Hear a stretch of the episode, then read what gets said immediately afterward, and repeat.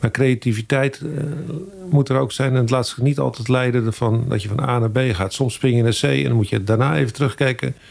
Ja. Had B me ook nog iets geleerd. En dat is mijn grootste les, uh, ook al in andere organisaties. Mm -hmm. Dat ik rapportage kreeg over de, het consequent hanteren van de Lean-methodiek. Welkom bij de Lean en Leiderschap podcast. Ik ben Esther Schuurmans. In deze podcast spreek ik over leiderschap en continue verbetering.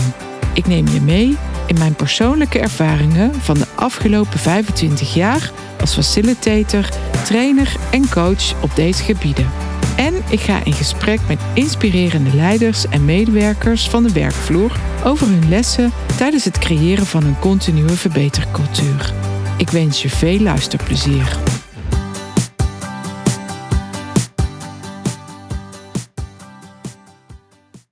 We starten dit jaar met een nieuw seizoen en een nieuwe format van de Lean en Leiderschap podcast. Om nog meer waarde voor jullie te creëren, hebben we aan het gebruikelijke interview met inspirerende leiders een aantal rubrieken toegevoegd. Zo ga ik in gesprek met medewerkers van de werkvloer om ook hun ervaringen met jullie te delen. Er is een rubriek met mijn visie op een onderwerp en ik daag je uit om eens bewust in de spiegel te kijken met een reflectievraag. Ik krijg er zelf weer veel energie van om deze podcast voor jullie te maken. En energie is wat we nodig hebben om een beweging te creëren. In deze aflevering ga ik in gesprek over de beweging die binnen het IJsseland ziekenhuis op gang gebracht is in de transitie naar een lean ziekenhuis. Het IJsseland ziekenhuis is een lokaal ziekenhuis in Capelle aan de IJssel met 1800 medewerkers. Ik ben in gesprek met Albert van Wijk, sinds vijf jaar voorzitter van de Raad van Bestuur van het IJsseland Ziekenhuis, en Francis van Neutegem, 19 jaar werkzaam in het IJsseland Ziekenhuis als zorgmanager en verantwoordelijk voor de doorstroom in het ziekenhuis.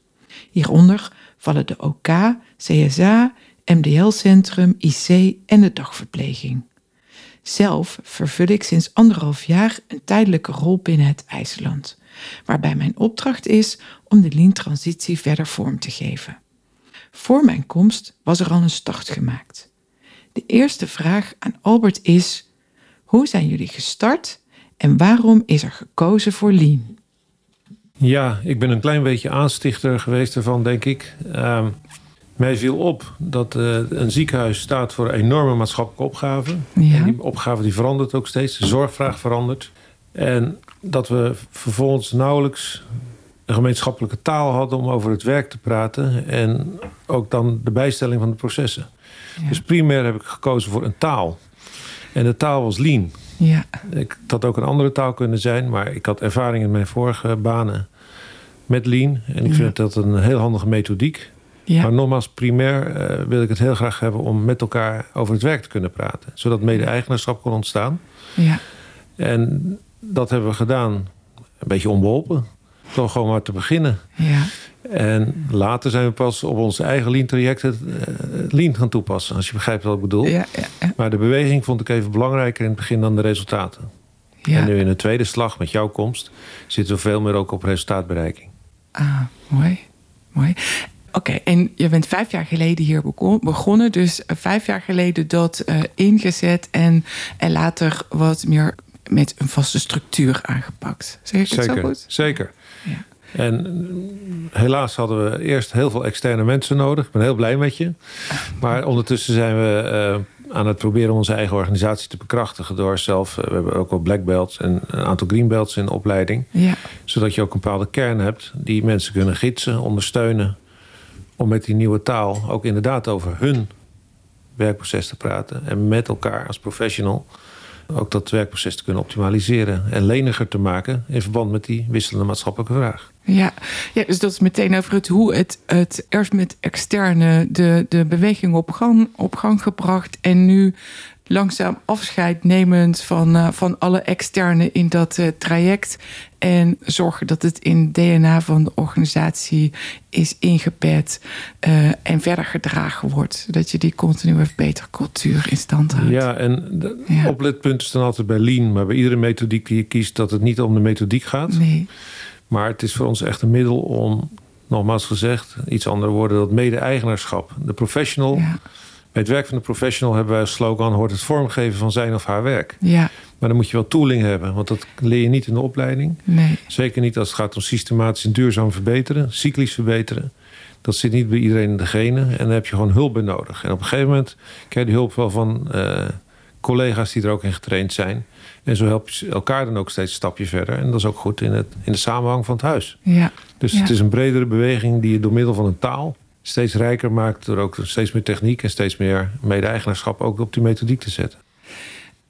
Dankjewel. En Francis, jij zit hier al wat langer, maar dus de komst van Albert meegemaakt en ook de hele uh, Lean-reis uh, meegemaakt. Hoe uh, heb jij dat ervaren vanaf het begin tot nu? Als manager, want jij was lid van het managementteam. Ja, ik heb gemerkt dat we als managementteam echt een, een dag naar de hei zijn gegaan. en lean getraind zijn. Niet in de lean systematiek, echt maar meer van wat kan het je brengen. En toen de tijd zijn de teamleiders hier in het ziekenhuis hebben een MD-traject gevolgd waarbij de lean een onderdeel was.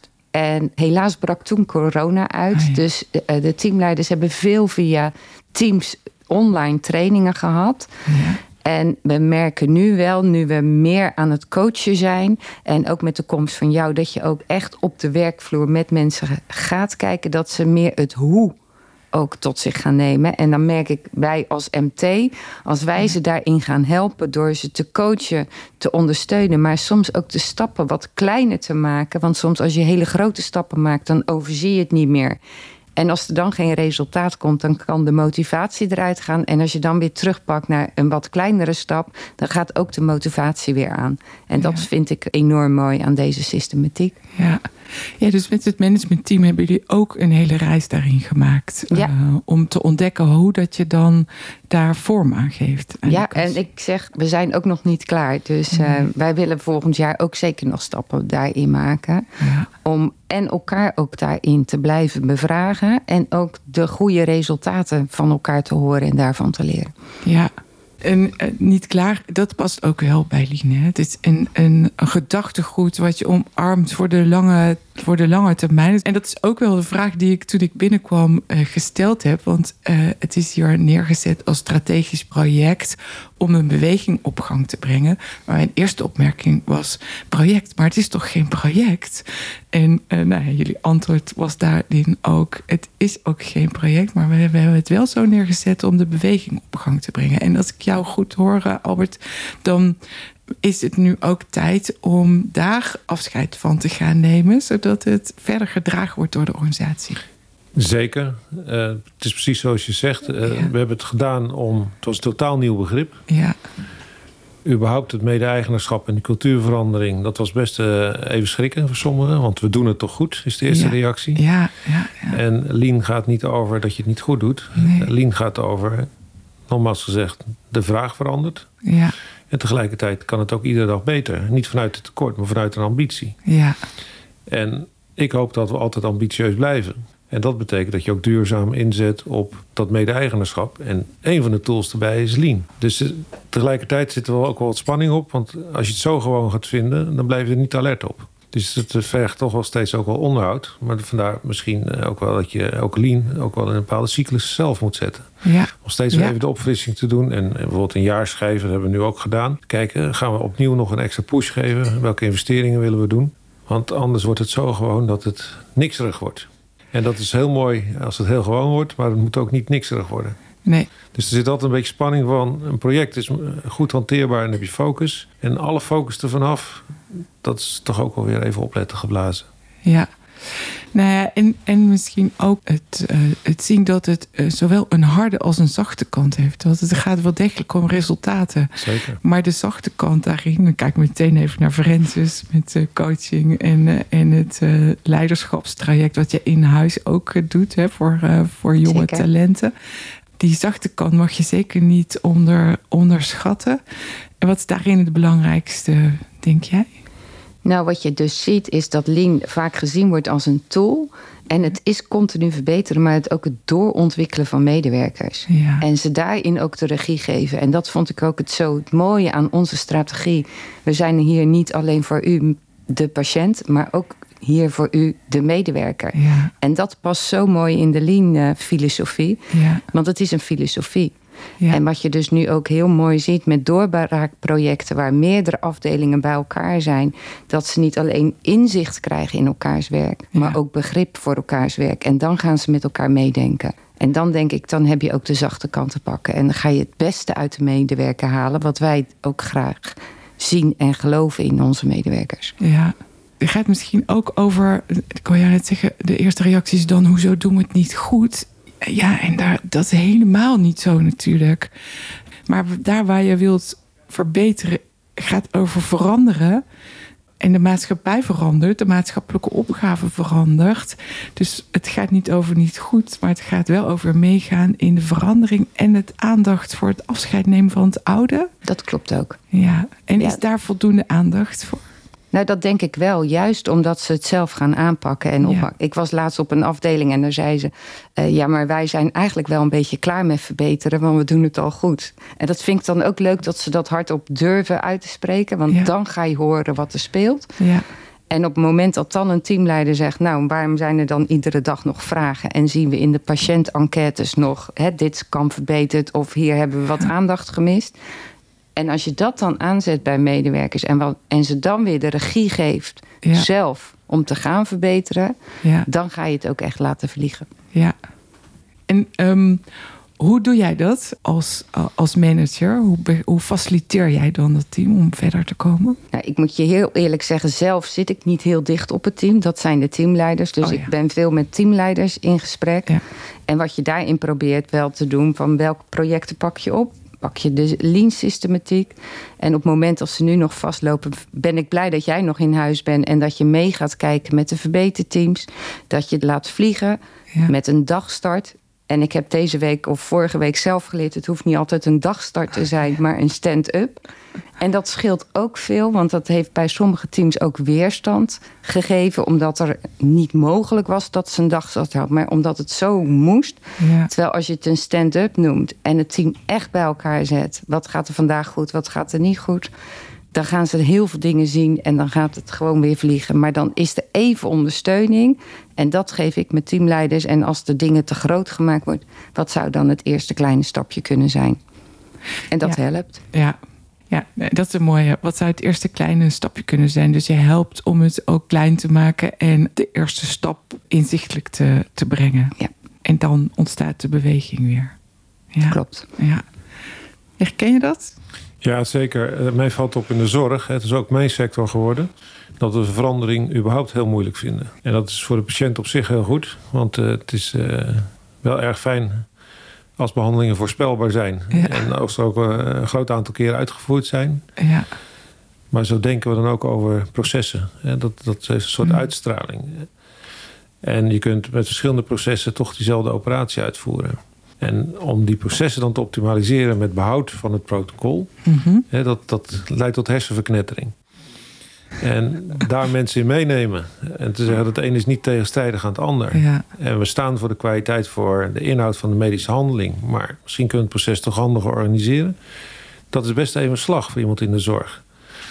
En vandaar dat de methodiek, eh, Ja. het gedachtegoed, de cultuur die erbij hoort, nooit vanzelfsprekend wordt in de zorg. Omdat dat blijft een worsteling. Het voorspelbare is een groot goed. En tegelijkertijd eh, dwingende omstandigheden tot verandering. En dat, Ja. dat ervaren mensen als haaks op elkaar. Ja. En je ziet nu gelukkig wel eh, die rare, gewone, hele simpele vorm van die dagstarts. Dat gaat ook over zorgzwaard. Gewoon over verdeling van het Ja. werk. Ja. En dat herkennen mensen eerder dan... hé, hey, we moeten dat en dat en dat nog verbeteren. Ja. Snap je? Dus Ja. zo'n bord kun je... in het begin moet je dat toch wel een beetje streng neerzetten... vanuit het werk. En later gaat het over het vormgeven van het werk... en vormgeven van het proces. Ja. Dus je hebt daar af en toe een push nodig. Ja. En dat herken ik sterk. Iets andere woorden, maar ik denk dat we Frans en ik hetzelfde zeggen. Ja. En wij faciliteren dat. Maar het mag soms ook wel enige dwang op zitten. Ja. Wat heeft het voor jou tot nu toe opgeleverd? Of voor jou in de zin van voor de medewerkers, de patiënten, ketenpartners, Ja. eh, stakeholders? Nou, onze hele strategie is gebaseerd op dat we niet harder kunnen werken. Dat kan niet meer. Nee. En dat ga ik ook niet vragen. Dus in Nee. die zin zijn wij rare bestuurders, raar managementteam. Wij zeggen tegen mensen, wij willen niet dat je harder gaat werken. Ja. Maar de vraag neemt toe. En dan is Lean geen bezuinigingsmaatregel. Maar we hebben wel gezegd, we gaan slimmer en anders werken. Nou, slimmer had al even een negatieve connotatie. Want doe ik het nou dom dan? Ja. Snap je? Dus die culturele hobbels die zitten zeker ook in zo'n traject. Die los je ook niet om met een soort, op met een soort wondermiddel uh, lean of zo. Het is geen Haarlemmer olie. Dat, dat gaat wel over je leiderschap gewoon. Het goede verhaal vertellen. Ja. Maar op het moment dat mensen wel iets in handen krijgen om het toch te proberen. Een systematische benadering met bepaalde technieken erin. Iets beginnen te begrijpen en te duiden van die methodiek. Ja. Dan zie je ook wel wat opluchting. En eh, sommige processen zijn inderdaad sneller, beter en slimmer geworden. En dan is de bijvangst dat we meer patiënten aan kunnen. Maar het gaat in dit stadium voor ons nog steeds over, niet om bezuinigingen, maar om die professional echt mede-eigenaar te maken van zijn of haar werk. In die zin moeten ze van de tribune af, dat is de strenge kant. Aan de andere kant mogen ze ook van de tribune af en gaan, mogen ze hun eigen werk vormgeven. En dat is dan weer de verdienkant. Ja. En die beide kanten, eh, het scheelt wel eens per dag op welk, welk been je staat. En het daar goed over hebben met elkaar. Dus het is een bredere cultuurbeweging die gefaciliteerd wordt proberen wij te faciliteren, zoals Francis net vertelt. Ja, mooi. En Francis, heb jij nog een voorbeeld van wat het uh, nu heeft opgeleverd tot nu toe? Nou, wij, wij hebben als ziekenhuis ook een MAC, dat is een materiaaladviescommissie. En dat is verplicht volgens wet en regelgeving dat alle producten die gebruikt worden, moeten via de MAC, want er moet heel een productdossier voor komen. Mhm. En daar hadden we ook heel veel snelle bestellingen van en eh, met onze inkooporganisatie.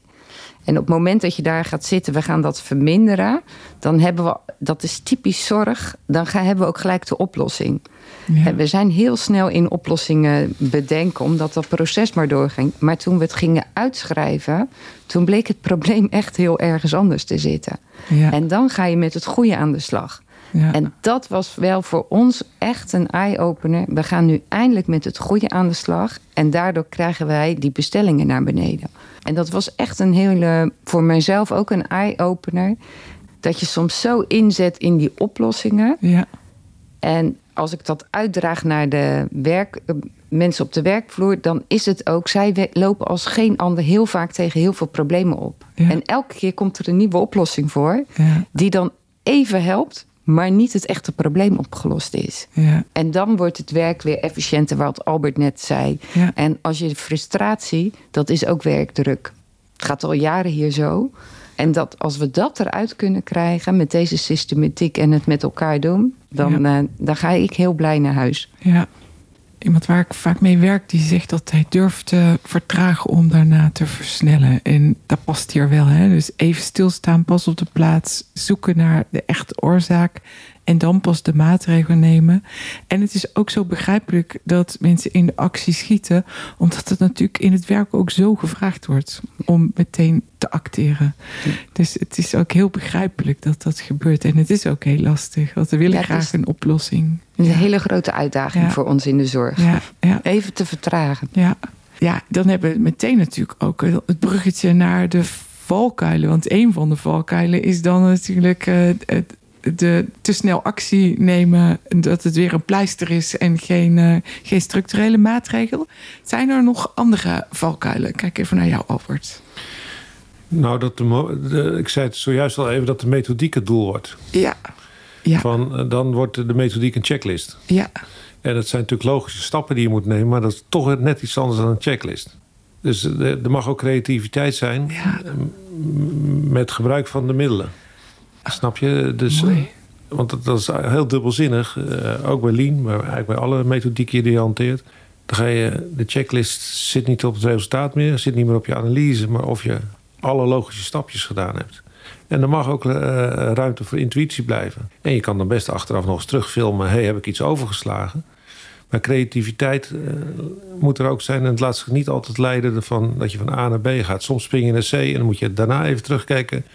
Ja. Had B mij ook nog iets geleerd. En dat is mijn grootste les, eh, ook al in andere organisaties. Mhm. Dat ik rapportage kreeg over de, het consequent hanteren van de lean-methodiek. En dat is, uh, dan ga je dus de, ja. het, middel. Ja. En dat is natuurlijk heel verleidelijk, want dat is best veilig. En daarna krijg je het gemier over de cijfers. Ja, soms kijk je gewoon in de kast en zie je die stapel ook liggen. En of het dan 9 of 10 zijn. Dus ook cijfers ben ik met je eens. Eh, data-driven. Maar laat je ook niet gijzelen door de vraag: weet je het zeker of het negen of tien dossiers zijn? Nee. Ja. Snap je? Dus het is allemaal dubbelzinnigheden in zijn aanpak. Ja. En iedere aanpak leidt tot zijn eigen uh, ja, subversieve afleidingen. Hè? Je wordt beloond ja. op net even anders te doen. Dus creativiteit en je niet laten gijzelen door een methodiek, maar er slim gebruik van maken en inderdaad het hoofd voor de methodiek te laten gaan, het denken, de cultuurkant. Ja. En proberen dat in een gezond evenwicht hand in hand te laten gaan. Klinkt al heel gedreven en ambitieus, maar dat, dat ervaar ik ook bij mezelf wel. Dat je denkt van, hé, hey, even opletten jongen. Ja, mooi. Dus de creativiteit in stand houden. En het is een valkuil om dat uh, niet te doen. Uh, en dat gebeurt als je van het middel het doel maakt. Ja, soms heb je een hunch, een, ja. een gedachtesprong nodig. En dat is niet altijd een processprong. Nee. Ja, ja, en, en daar heb je misschien ook wel het, het team voor nodig. Dus dat er, dat er mensen elkaar aansteken en eh, weer verbeteren op basis van iets wat iemand anders uh, zegt of denkt. En ja, kijk, in die zin vind ik, eh, als ik dat zo mag uitduiden, dat als je lean zit te toepassen in je eentje achter een, een keurige schrijftafel, dan mis je precies het punt van ja, lean. Klopt. De, de interactie, de iteratie elkaar, de, daar hou ik van uh, creatieve sessies en gedachtensprongen. Ja. En daarom begin ik steeds met benadrukken: het is handig als je het aan elkaar begrijpt. En daarom vind ik lean in zijn kern een taal. Ja. Uh, ik snap jou als jij geen Chinees spreekt en ik Grieks tegelijkertijd. Ja, uh, uh, en met elkaar, dat ook Sklavskibo kunnen zijn, hè? hebben we ook geprobeerd. Maar lean heeft wel de gein dat ook die methodieken er ook wel bijgeleverd worden. Maar de creativiteit kun je mobiliseren door elkaar te verstaan, letterlijk. Ja. Creativiteit, niet te snel naar de maatregelen. Heb je nog andere aanvullingen, Francis? Ja, en ik denk echte oprechte interesse in de mensen en in het werk wat ze moeten verrichten.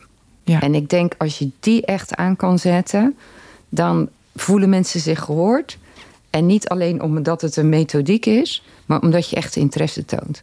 En zij hebben de kennis hoe dat werk steeds beter kan. En als je dan nog de waarde toeneemt wat het aan de patiënt gaat geven, dus ook wat we van onze patiënten terugkrijgen, dan uh, krijgen we een heel mooi ziekenhuis. Dat Ja. hebben we al, maar dan wordt het nog mooier. Ja, nou, in die interesse, daar hebben we ook wel wat opgehaald. In de afgelopen periode hebben we een paar keer een gamma walk gedaan, zoals dat eh, in lean terminologie dan heet. Om toch nog maar even een term door te gooien.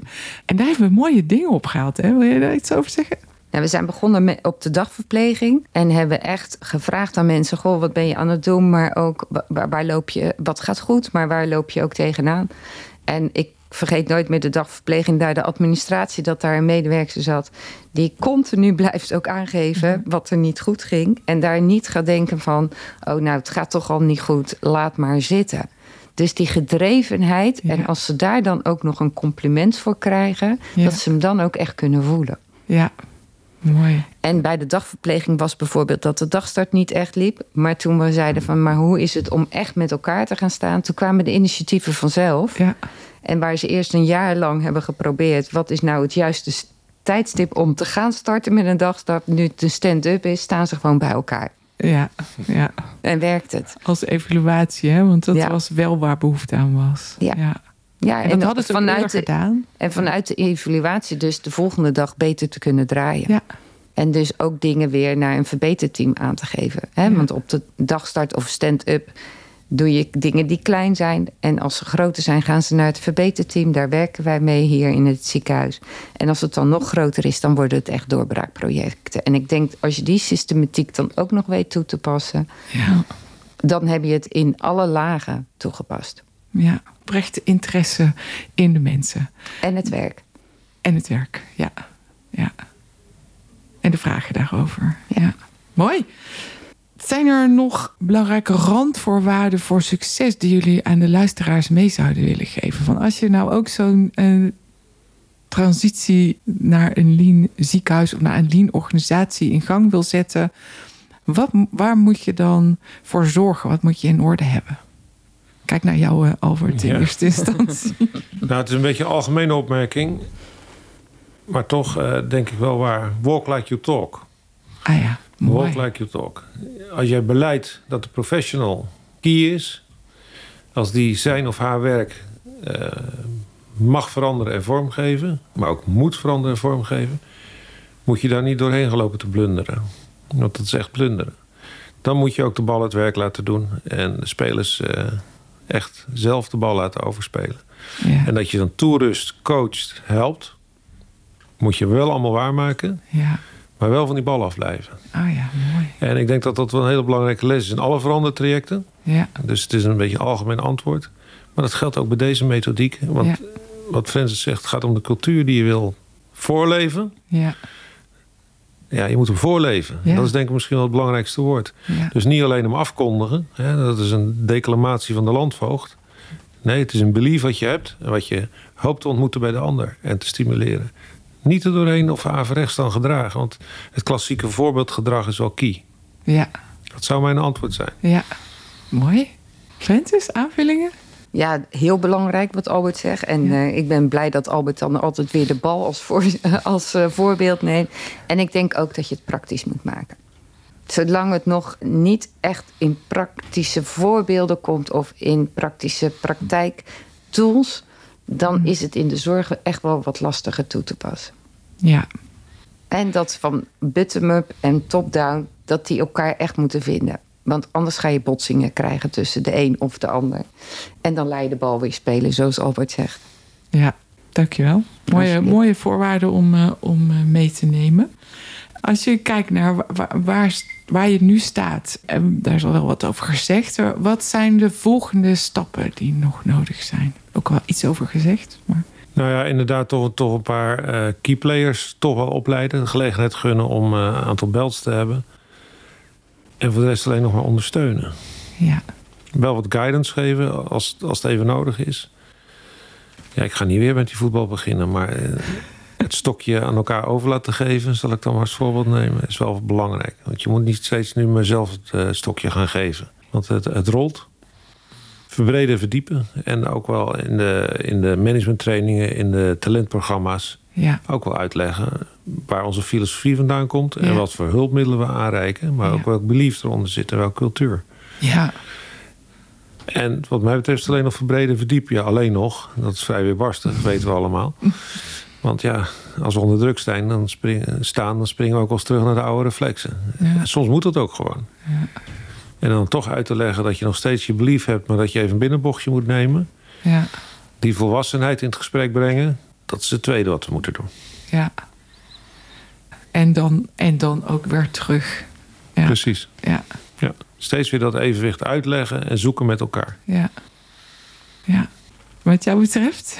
Ja, ik zou zelf heel graag nog in 2023 nog echt een paar echte grote doorbraakprojecten willen draaien. En dat zijn dan wel projecten omdat je dan verschillende doelgroepen bij elkaar zit. En het inzicht krijgen en begrip krijgen voor elkaar, daar leer je ook mensen heel duidelijk dat het werk niet bij jouw afdeling stopt.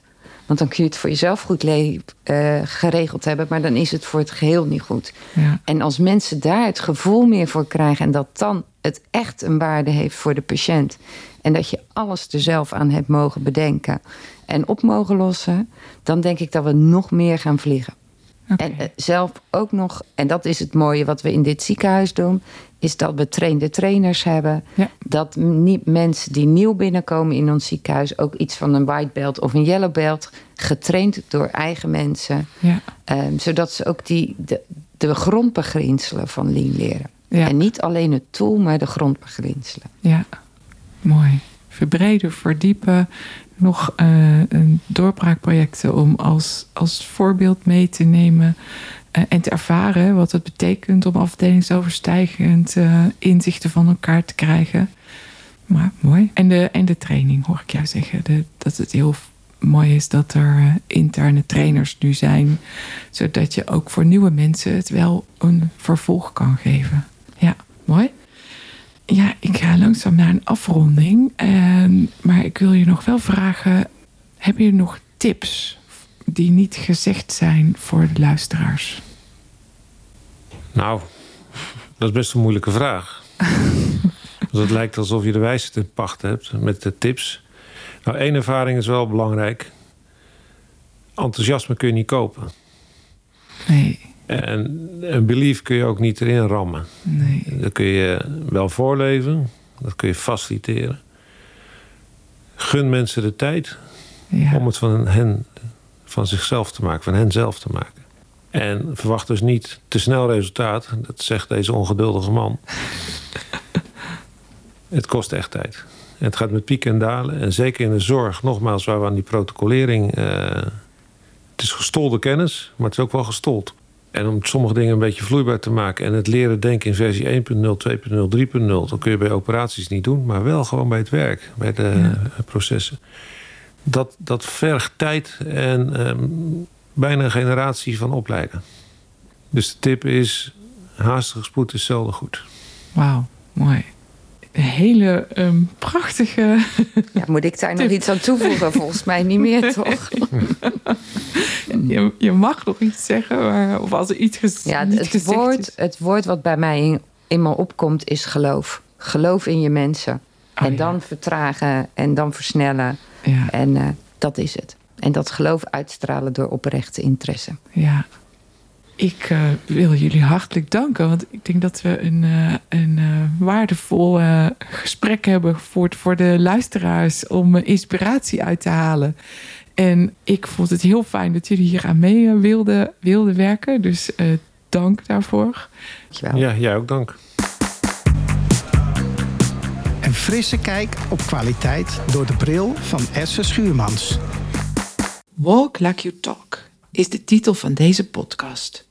In het interview benoemde Albert het belang van het voorleven van gewenst gedrag als voorwaarde om te komen tot de gewenste cultuur. Francis voegde hieraan toe dat het helpt om het praktisch te maken. Ik wil deze twee randvoorwaarden combineren in een praktische tip waarmee je je rol als lean leider kunt vormgeven en kunt voorleven. Ik geef je drie aspecten met daarbij één of meerdere vragen om dit in praktijk in te vullen. Ik geef de korte versie, want over ieder aspect kunnen we een podcast op zich maken. Het eerste aspect is richting geven. Een belangrijke vraag hierbij is: welk gezamenlijk doel heeft jouw team? Het tweede aspect is support geven. Het gaat hierbij om je teams te ondersteunen bij het continu verbeteren van processen. Vragen hierbij zijn: hoe ga jij om met fouten van medewerkers? Gaat het om de schuldvraag, met het bekende vingertje wijzen, of zie je een fout als een kans voor verbetering? Het mag duidelijk zijn dat we binnen het Lean gedachtegoed fouten zien als kansen voor verbetering. Het gaat er dan wel om hoe we ervoor zorgen dat dezelfde fout niet nog eens gemaakt wordt.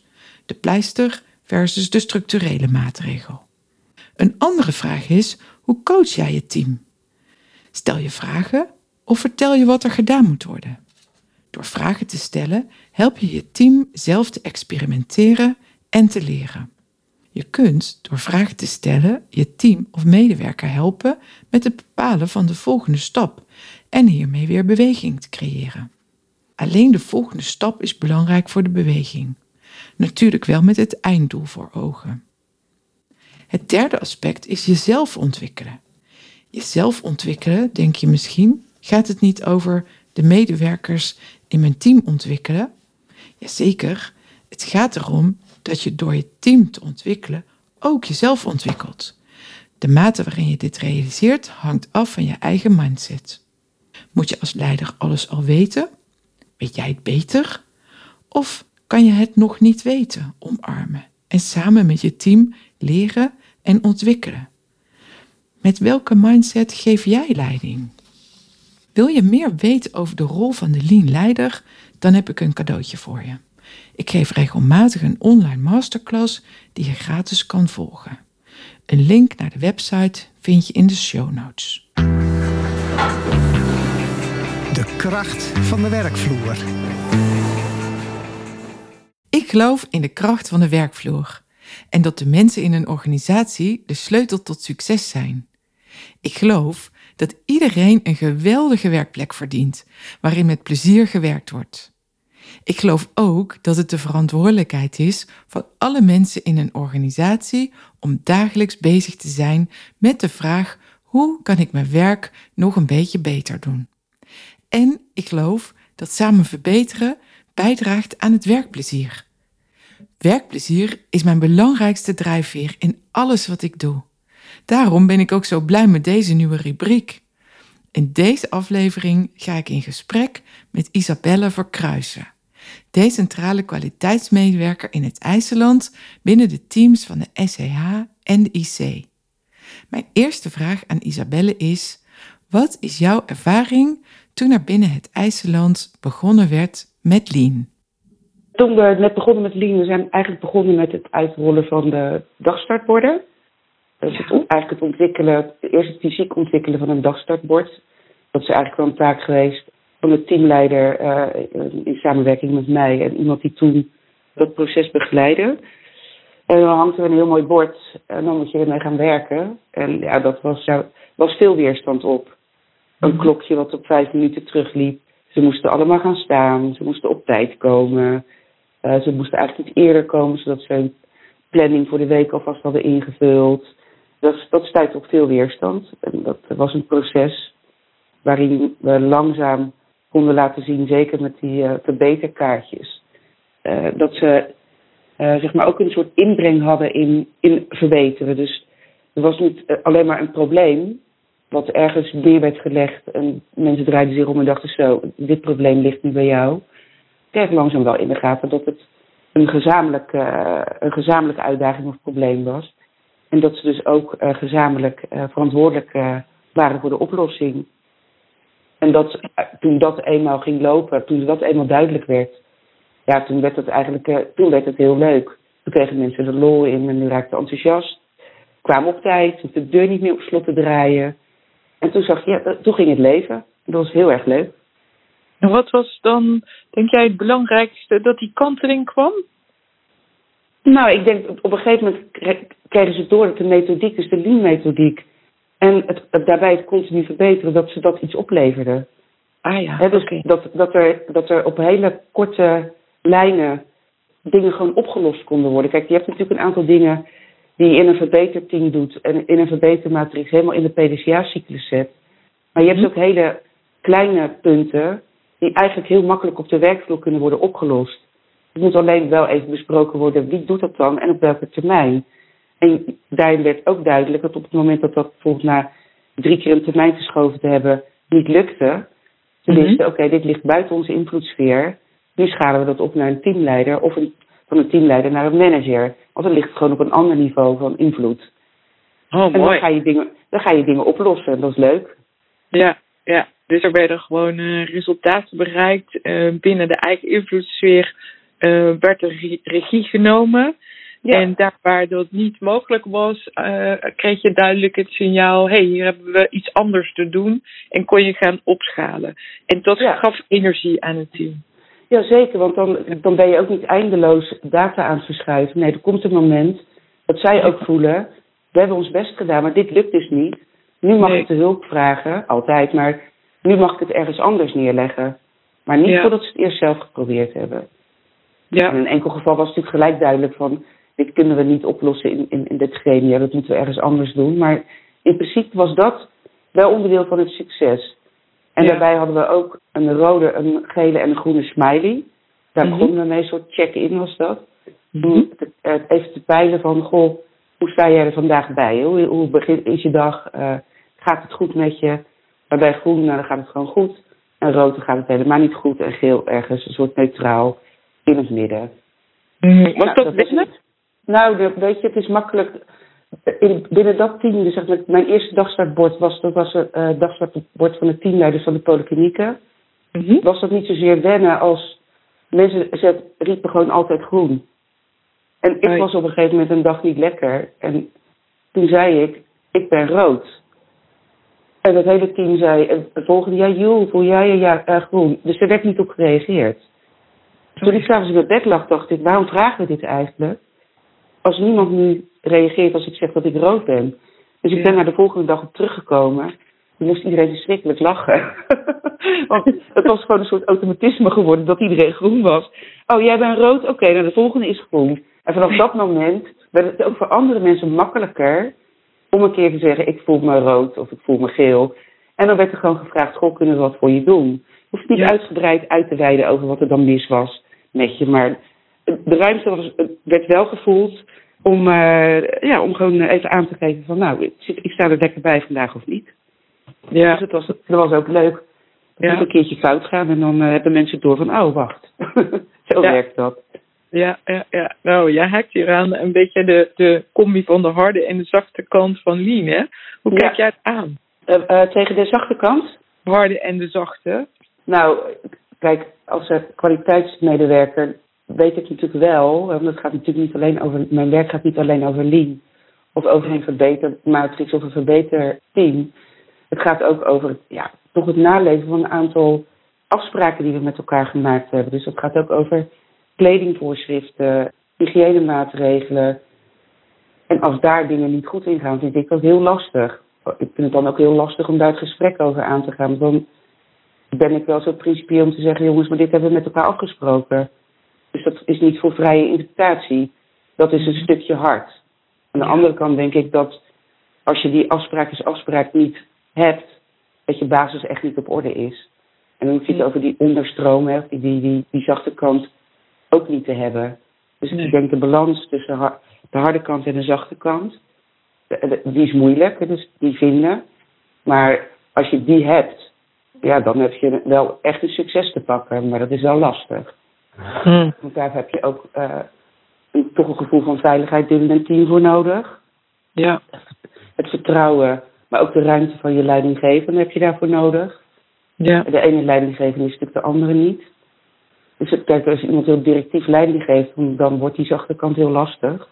Ja. Uh, als iemand meer vanuit coachen of vanuit vertrouwen leiding geeft, dan denk ik dat je die veiligheid sneller te pakken hebt. Dus dat, er zijn een heleboel factoren nodig, zeg maar, om, om dat tot een succes te maken. Die harde kant is veel minder moeilijk. Ja.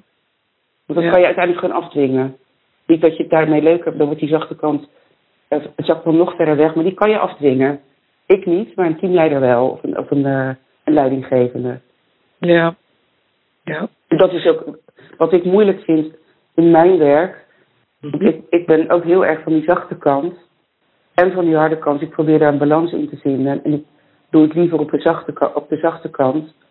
Ja. Maar ik voel me natuurlijk wel af en toe een beetje een soort stadswacht. Weet je, je mag wel uh, waarschuwen, maar niet bekeuren. Daardoor heb ik natuurlijk geen, hiërarchische invloed. En dat stukje, mensen dan toch zo ver te krijgen dat ze inzien dat, dat eh, bepaalde eh, dingen werken, zo'n zo'n methodiek ook. heel veel mensen hebben het nog niet eens geprobeerd en die roepen al, ja, dat ga ik niet doen hoor, bij zo'n bord staan. Dat zie ik helemaal niet zitten. Ja, ik ga dan wel het gesprek aan. Zeg je, maar heb je het al eens geprobeerd dan? Ja. Uh, of, of, of waar zit dan je weerstand? Dat, ik heb ook de ruimte om dat gesprek dan wel met ze aan te gaan. Ja. De teamleider moet het uiteindelijk gewoon doen. Ja. Dat, daarin heb je ook soms een combi van hard en zacht te pakken. Ja. Ja. Nou, op het moment dat ze niet met zo'n smiley willen werken, s ochtends vroeg, en bij de check-in, ja, dan mhm. weet je wel, dat er in de onderstroom uh, binnen zo'n team nog wel het een en ander aan onveiligheid zit. Ja, en dat is natuurlijk wel een belangrijke voorwaarde voor uh, een, het werk naar een continue verbetercultuur. Dat die balans, dat die balans er is tussen hard en zacht. Um, Uiteindelijk wel, want anders doe je een kunstje. Ja, ja. Dan doe je in alles doe je dan een kunstje. Of het nou gaat om verbeterkaartjes die je opzond, opdreunt elke ochtend. Of je denkt, oké, okay, in die verbetermatrix zit een PDCA-cyclus om, uh, om, uh, om op te schrijven of te registreren.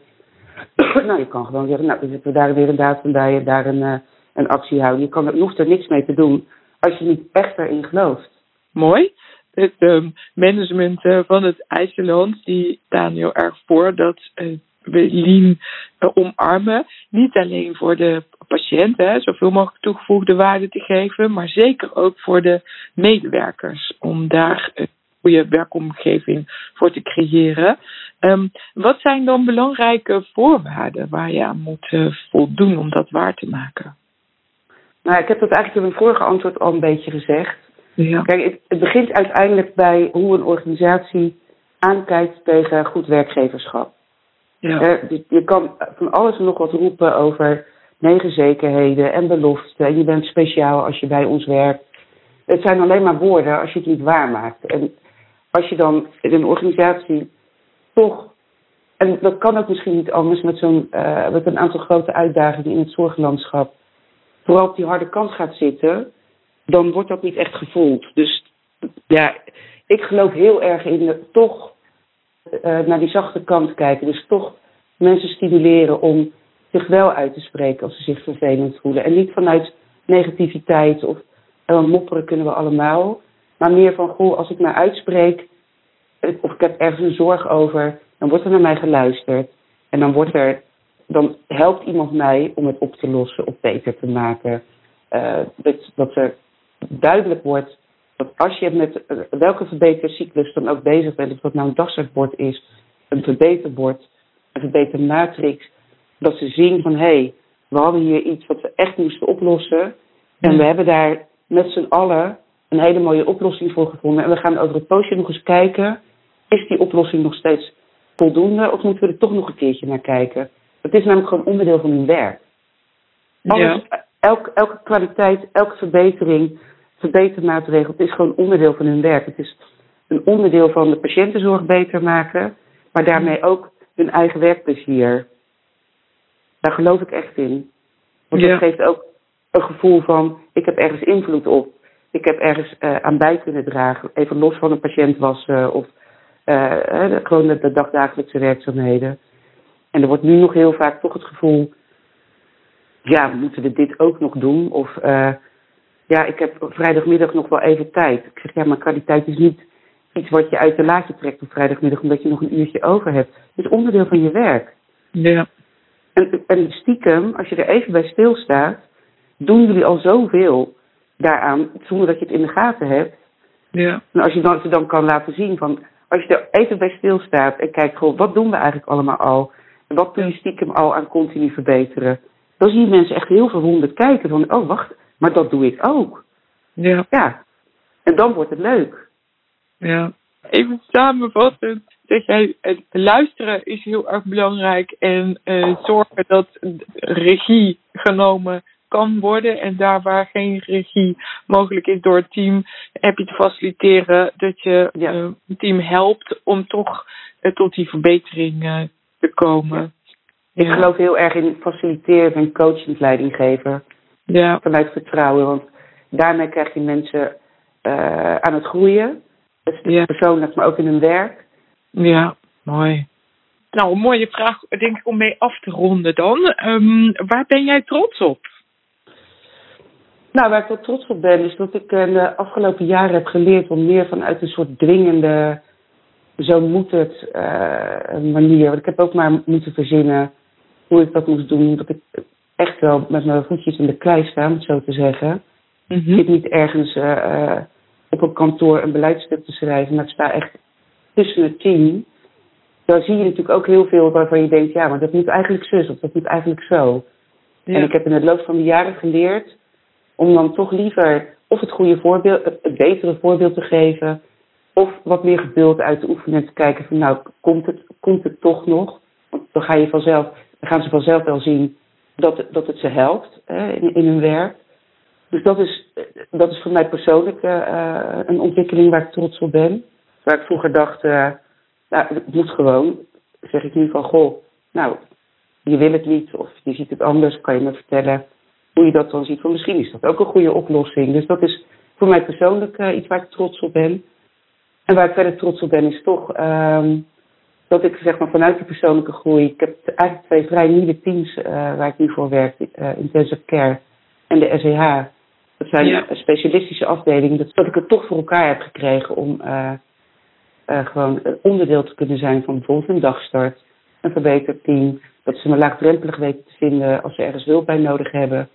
Dat ze het ook niet meer raar vinden als ze me zien. Ze denken, oh, die komt iets controleren, maar hé, hey, daar heb je Isabel. Wat leuk, ook trouwens, ik wil je nog wat vragen. Ja, dat is voor mij wel iets waar ik, uh, waar ik trots op ben en waar ik ook echt heel blij van word. Nou, mooi. Dankjewel Isabel voor, jou, uh, voor jouw verhaal. Graag gedaan. Kijk in de spiegel. Een reflectievraag om eens op te kouwen. Hoe ga jij voor als lean leider? En een extra challenge. Check jouw beeld eens bij een collega. Ik ben benieuwd naar je inzichten. Laat het me vooral weten. Dat kan via de mail of bijvoorbeeld via LinkedIn. De linkjes vind je in de show notes. Dank je wel voor het luisteren naar de eerste podcast van dit nieuwe seizoen. Ik ben heel benieuwd wat je ervan vond. Als het voor jou van waarde was, dan kan je me helpen om steeds meer mensen te inspireren. Door de show te beoordelen met bijvoorbeeld 5 sterren op het kanaal waarop je luisterde. Je kan je ook abonneren op de website door op volgen te klikken. En je kan de aflevering doorsturen in je netwerk door de link te kopiëren en door te sturen via de mail of via de socials. Nogmaals dank voor het luisteren en graag tot de volgende aflevering.